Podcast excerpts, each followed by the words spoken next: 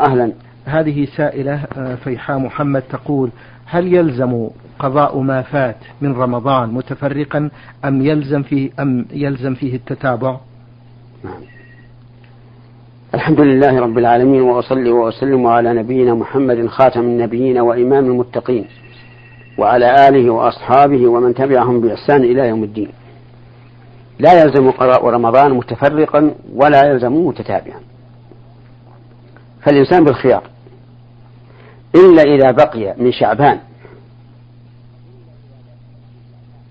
المقبل بقدر ما عليه من رمضان فيجب التتابع لأنه لا يجوز أن يؤخر قضاء رمضان إلى رمضان آخر. نعم. أحسن الله إليكم. تسأل عن حكم صيام رجب والخامس عشر من شهر شعبان نعم صيام إيش؟ عن رجب صيام رجب نعم. والخامس عشر من شعبان وقيام ليل ليلهما. كل هذا لا أصل له. بالنسبة للصيام رجب كغيره من الأيام. لا يختص بصوم. ولا تختص لياليه بقيام. أما شعبان فقد كان النبي صلى الله عليه وسلم يكثر الصوم فيه. لكنه لا يخص يوم الخامس عشر منه. قالت عائشة رضي الله عنها كان أكثر ما يصوم يعني في النفل شعبان. وأما ما اشتهر عند العامة من أن ليلة النصف من شعبان لها تهجم خاص ويومها له صيام خاص وأن الأعمال تكتب في تلك الليلة لجميع السنة فكل هذا ليس له أصل صحيح يعول عليه. نعم. من أسئلة هذه السائلة تقول بالنسبة لسن الذهب بالنسبة لشخص متوفى هل ينزع منه هذا السن ويضم إلى التركة أم يتصدق بثمنه أم يدفن في مكان آخر لأنه يعتبر من الأموال التي لا ترافق الميت في قبره؟ نعم. إذا مات الإنسان وفيه سن ذهب فإنه يخلع. إلا إذا لزم من خلعه سقوط الأسنان. فلا يخلع. ويبقى مع الميت حتى يظن أنه قد بلي وأكلته الأرض. ثم يستخرج بعد ذلك. ما لم يعفو الورثة عن بقائه معه إلى الأبد. فإن عفوا فلا حاجة إلى أن ينبش فيما بعد. نعم. أحسن الله إليكم. تقول السائلة ما هو الرد على من قال هل كان سلام الرسول صلى الله عليه وسلم ليلة المعراج على الأنبياء وردهم عليه كان بالروح أم بالجسد أم بهما معا؟ السؤال لا ينبغي أن يصاغ على هذه الصفة بل يقال هل العروج بالنبي صلى الله عليه وعلى آله وسلم والإسراء به إلى بيت إلى بيت المقدس هل هو بروحه أو بروحه وجسده. والجواب أنه بروحه وجسده. أسري به عليه الصلاة والسلام. يقظة. لا مناما. بروحه وجسده. لأن الله تعالى قال سبحان الذي أسرى بعبده ليلا. ولم يقل بروح عبده. وقال الله سبحانه وتعالى في سورة النجم والنجم إذا هوى ما ضل صاحبكم وما غوى وما ينطق عن الهوى إن هو إلا وحي يوحى علمه شديد القوى ذو مرة فاستوى وهو بالفوق الأعلى. ثم دنا فتدلى فكان قاب قوسين أو أدنى فأوحى إلى عبده ما أوحى إلى آخر الآيات. كلها تدل على أن النبي صلى الله عليه وعلى آله وسلم عرج به ببدنه. يقظانا وليس بناء. ويدل لذلك من الواقع أن قريشا لما أخبرهم النبي صلى الله عليه وعلى آله وسلم بما رأى في تلك الليلة صاحوا عليه وكذبوه وأنكروا ذلك غاية الإنكار. ولو كانت بروحه أو رؤيا رآها ما أنكروا هذا لأن العرب لا ينكرون المرائي. والإنسان يرى في منامه أنه سافر إلى أبعد شيء وأنه فعل وفعل وفعل مع أنه لو كان يقطعن ما ما حصل له ذلك. فالحاصل أن القول الراجح بل المتعين أن النبي صلى الله عليه وعلى آله وسلم أسري به بروحه وجسده يقضان وليس بنائم. نعم. أحسن الله إليكم رسالة وصلت من السائل عيضة عمر يقول هل يكون التكبير في عيد الفطر وعيد الأضحى بعد الصلاة جماعة أو منفردا؟ وما هي الصيغة الشرعية التي وردت في التكبير؟ التكبير ليلة عيد الفطر إلى مجيء الإمام. وصفته أن يقول الله أكبر الله أكبر لا إله إلا الله والله أكبر الله أكبر ولله الحمد. أو يقول الله أكبر الله أكبر الله أكبر لا إله إلا الله والله أكبر الله أكبر الله أكبر ولله الحمد. أو يقول الله أكبر الله أكبر الله أكبر لا إله إلا الله والله أكبر الله أكبر ولله الحمد. الأمر في هذا واسع. وابتداؤه في عيد الفطر كما قلت من غروب الشمس ليلة العيد إلى مجيء الإمام. أما في في عيد الأضحى فالتكبير من دخول شهر ذي الحجة إلى آخر أيام التشريق. لكنه لا يسن يوم العيد والإمام يخطب لأن الإنسان مأمور بأن يستمع للخطبة. أما التكبير الجماعي بصوت واحد فهذا ليس من السنة. بل كل واحد يكبر وحده لنفسه. هذا التكبير يسن للرجال أن يجهروا به وأما النساء فلا تجهروا به لا في البيت ولا في السوق. نعم. جزاكم الله خيرا. يسأل السائل ويقول الشخص الذي يصلي صلاة التراويح أو القيام في بيته ولا يصليها في المسجد نعم. مع الجماعة. استدراك المرأة لا, لا تجهر به لكن إذا كانت في بيتها وصار أنشط لها أن تجهر فلا بأس.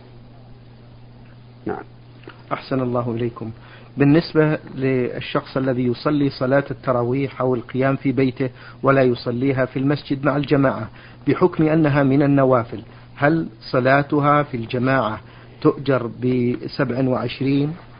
أما تفضيل صلاة الفريضة في الجماعة على صلاة الفرد بسبع وعشرين فهذا لا أشكال فيه. ثبت به الحديث. وأما النوافل التي تسن فيها الجماعة فيحتمل أن يقال إنها تضاعف أيضا بعموم الحديث. ويحتمل أنها أفضل ولكن لا نجزم بالفضل المعين الذي هو سبع وعشرين الذي هو سبع وعشرين درجة. لكنها لا شك أنها أفضل من الصلاة المنفردة. نعم. حفظكم الله امرأة أوصت عند وفاتها بجميع ذهبها بأنه للمسجد وللماء البارد مع العلم بأن الماء البارد متوفر في هذا المسجد حيث يوجد هناك برادات. هل يجوز بيع هذا الذهب وشراء مكيفات للمسجد؟ مع العلم بأن الورثة لا يمانعون من تنفيذ هذه الوصية بكاملها وليس بالثلث حسب الشرع. نعم. إذا وافق الورثة على تنفيذ هذه الوصية فتنفذ كما قالت المرأة. فإذا قدر أن المسجد مستغن عن تبريد الماء بما فيه من البرادات فتصرف إلى مسجد آخر يشترى له بذلك برادات. لأن شرب الماء أفضل من المكيف. ولكن ليحرص على أن يكون البديل مثل المسجد الأول مثل المسجد الأول بكثرة الناس وانتفائهم بالماء. نعم. أحسن الله إليكم وهذه سائلة أختكم في الله سعيدة تقول في سؤالها ما حكم لبس البدلة بالنسبة للفتيات الصغار اللاتي في السنة الأولى من العمر إلى سن العاشرة؟ وكذلك لبس الملابس الضيقة للفتيات الصغار والكبار. جزاكم الله خيرا. أما النساء الكبار فلباس البنطلون والألبسة الضيقة تدخلها في قول النبي صلى الله عليه وسلم صنفان من أهل النار لم أرهما. قوم معهم سياط كأذناب البقر يضربون بها الناس. ونساء كاسيات عاريات مميلات مائلات رؤوسهن كأسنمة البخت المائلة لا يدخلن الجنة ولا يجدن ريحها والعياذ بالله. وأما البنطلون فيزيد أيضا أن فيه تشبها بالرجال. ويزيد أيضا أننا لا نأمن أن أن الذين يريدون لهذا البلد المحافظ على دينه أن ينسلخ من أخلاقه كما انسلخت بعض البلاد الأخرى. لا نأمن هؤلاء أن يوردوا علينا بناطيل للنساء من جنس جلد المرأة ورقته ويكون هذا البنطلون ضيقا. حتى إذا لبسته المرأة صارت كأنها عارية تماما. لأن نعلم أن أهل الشر يريدون إفساد أهل الخير بكل ما يستطيعون. نسأل الله أن يكفينا شرهم ويجعل كيدهم في نحورهم.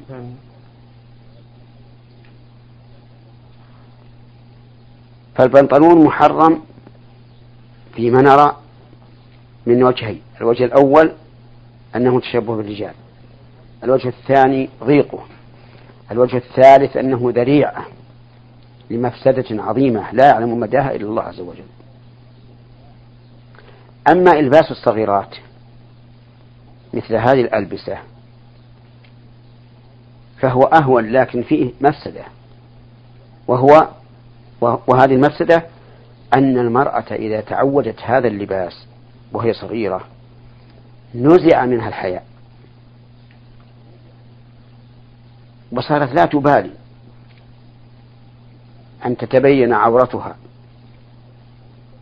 بالرؤية أو بالحجم فتعتاد هذا اللباس وفي النهاية تبقى عليه ولو ولو بلغت. نعم. أحسن الله إليكم وبارك فيكم. هذا سائل للبرنامج السائلة سين نون ميم من القصيم. تقول فضيلة الشيخ أشعر في بعض الأحيان بالضيق والاكتئاب. فما سبب ذلك وما العلاج مأجورين؟ السبب لا أستطيع أن أعرفه لأن أسباب الاكتئاب والضيق متنوعة. ولكن هناك شيء واحد ينتفع به المرء. وهو أن يقول ما جاءت به السنة. لا إله إلا أنت سبحانك إني كنت من الظالمين. هذه واحدة. الثاني أن يقرأ حديث ابن مسعود رضي الله عنه. اللهم أني عبدك ابن عبدك ابن أمتك ناصيتي بيدك ماض في حكمك عدل في قضاؤك. أسألك اللهم بكل اسم هو لك سميت به نفسك أو أنزلته في كتابك أو علمته أحد من خلقك أو استأثرت به في علم الغيب عندك أن تجعل القرآن العظيم ربيع قلبي ونور صدري وجلاء حزني وذهاب همي وغمي. فإن هذا من الأدوية الناجعة المفيدة. وكلما أكثر الإنسان من ذكر الله ارتفعت عنه الهموم والغموم. لقول الله تعالى ألا بذكر الله تطمئن القلوب. وينبغي للإنسان أن يكثر من الأوراد الثابتة عن النبي صلى الله عليه وعلى آله وسلم في الصباح والمساء. وأكثر ما يضر الناس في هذه الأمور الغفلة عن ذكر الله وعن الأوراد الشرعية.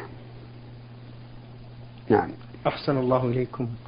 تقول السائلة من القصيمة فضيلة الشيخ دائما أفقد الخشوع في صلاتي ولكنني أحاول كثيرا لكي أخشع وأتفكر فيما أقول فما العلاج الشافي الذي يؤدي إلى الخشوع والتفكر في الصلاة؟ وهل تقبل الصلاة في مثل هذه الحالة؟ ما دام الإنسان يعالج نفسه في طرد الوسواس والشكوك فإنه على خير. وإلا فإن الشيطان يريد من العبد أن يتذبذب ويتردد ويقلق في عباداته بدليل قول النبي صلى الله عليه وسلم في الرجل يسهو في صلاته إن كان صلى إتماما كانتا أي السجدتان يعني سجدة السهو ترغيما للشيطان. نعم. من أسئلة السائلة تقول فضيلة الشيخ دائما تواجهني مشكلة الطهر من الحيض وذلك بسبب انقطاع الدم في اليوم الخامس ثم يخرج لونا بنيا في اليوم السادس وحدث هذا في أول أيام رمضان. وثانيها وثالثها. أي بمعنى أنه انقطع الدم في آخر يوم من شعبان أي يوم الخامس من الحيض فاغتسلت في هذا اليوم وصليت وصمت. ولما سئلت عن ذلك ولما سألت عن ذلك قيل لي عليك بإعادة صيام هذه الأيام الثلاثة وعليك بقضاء تلك الأيام أي يوم السادس والسابع والثامن. والآن السؤال هو كيف أعرف الطهر؟ علما بأن هذا الشيء البني لا يخرج إلا مرة أو مرتين في اليوم السادس والسابع والثامن. وهل غسلي ذلك يبطل الصلاة والصيام؟ لأني لم أغتسل بعد الثلاثة الأيام الأخيرة لعدم علمي بذلك. جزاكم الله خيرا. نعم. إذا طهرت المرأة من الحيض الجاري الغزير الذي تعرف أنه حيض فما بعده لا يعتبر شيئا لأن الصفرة والكدرة والنقطة والنقطتين ليست ليست بشيء. وبناء على ذلك نرى أن صومها صحيح وأن صلاتها صحيحة وأن غسلها الأول الذي كان بعد خمسة أيام قد رفع عنها حدث الحي. نعم. هذا السائل يقول أسأل الاسم دحماني رضا يقول بالنسبة للمسح على الخفين في السفر ثلاثة أيام وللمقيم يوم وليلة. وقد سمعنا حديثا عن عن عمر رضي الله عنه بأن المسافر يمسح أسبوع. فهل هذا الأثر صحيح؟ الذي ثبت به السنة أن المسافر يمسح ثلاثة أيام بلياليها. فعليك بما صحت به السنة. ودع عنك الآراء مهما كان قائلها.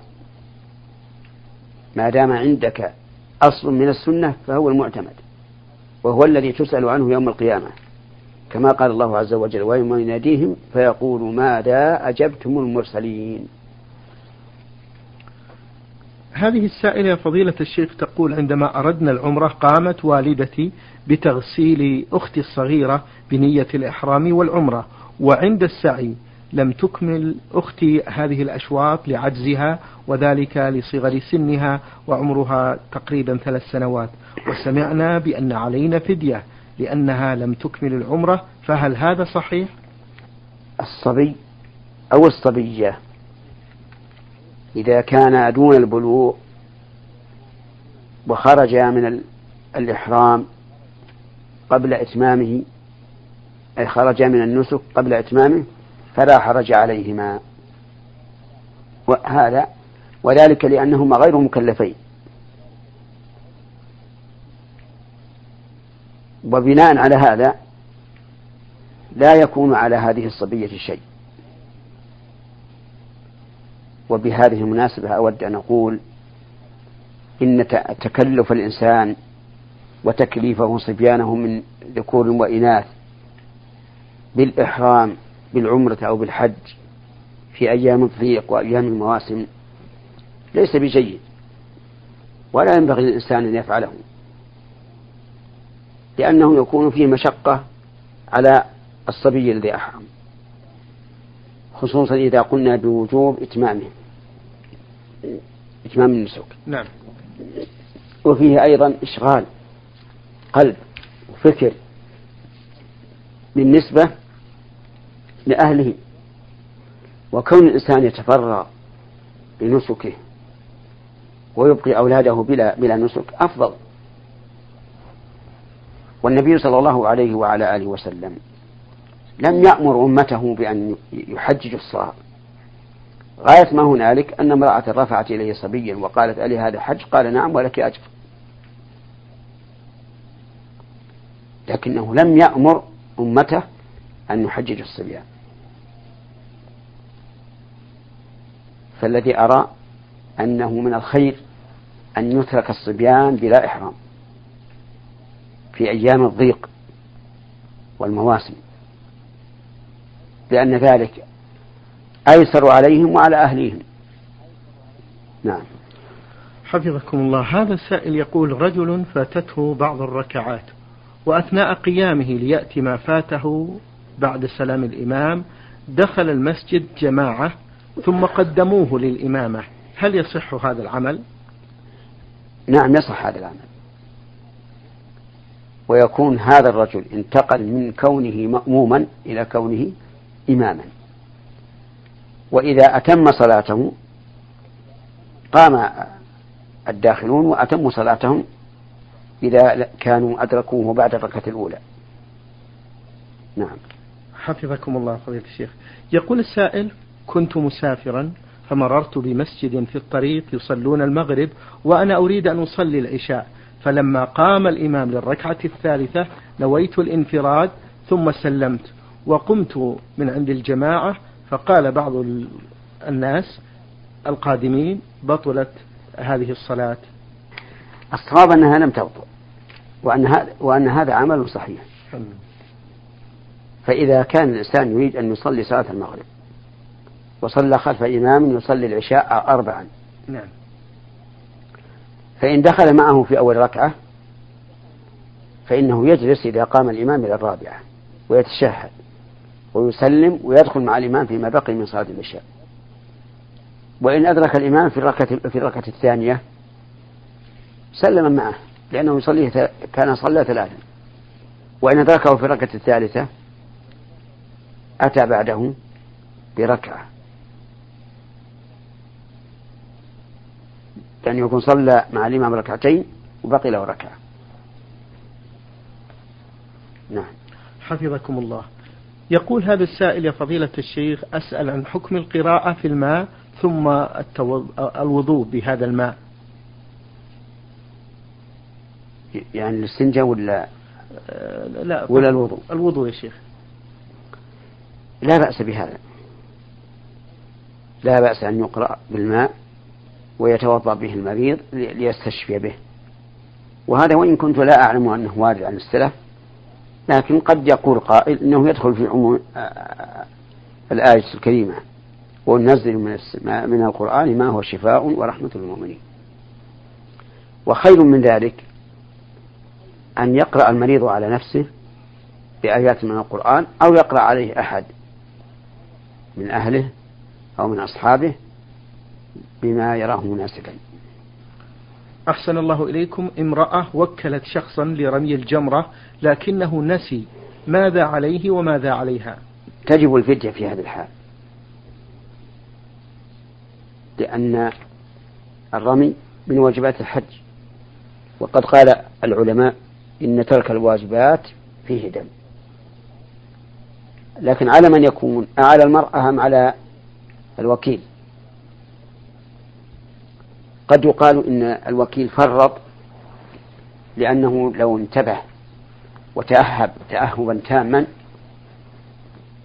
ما نسي. وقد يقال إن النسيان ليس بتفريط لأنه من طبيعة الإنسان. والذي أرى أن أن يتصالح في هذه المسألة إما أن يتحمل الهدي آه، الفدية جميعا كل واحد على نصفها وإما أن يرضيا بأن تكون الفدية على الجميع. أحسن الله إليكم. نختم هذا اللقاء بهذا السؤال. يقول السائل هل الإخبار هل الإخبار عن وفاة شخص في الجريدة من أجل أن يصلى عليه جائز؟ الصلاة على الميت الغائب غير مشروعة إلا من لم يصلى عليه. ويدل لذلك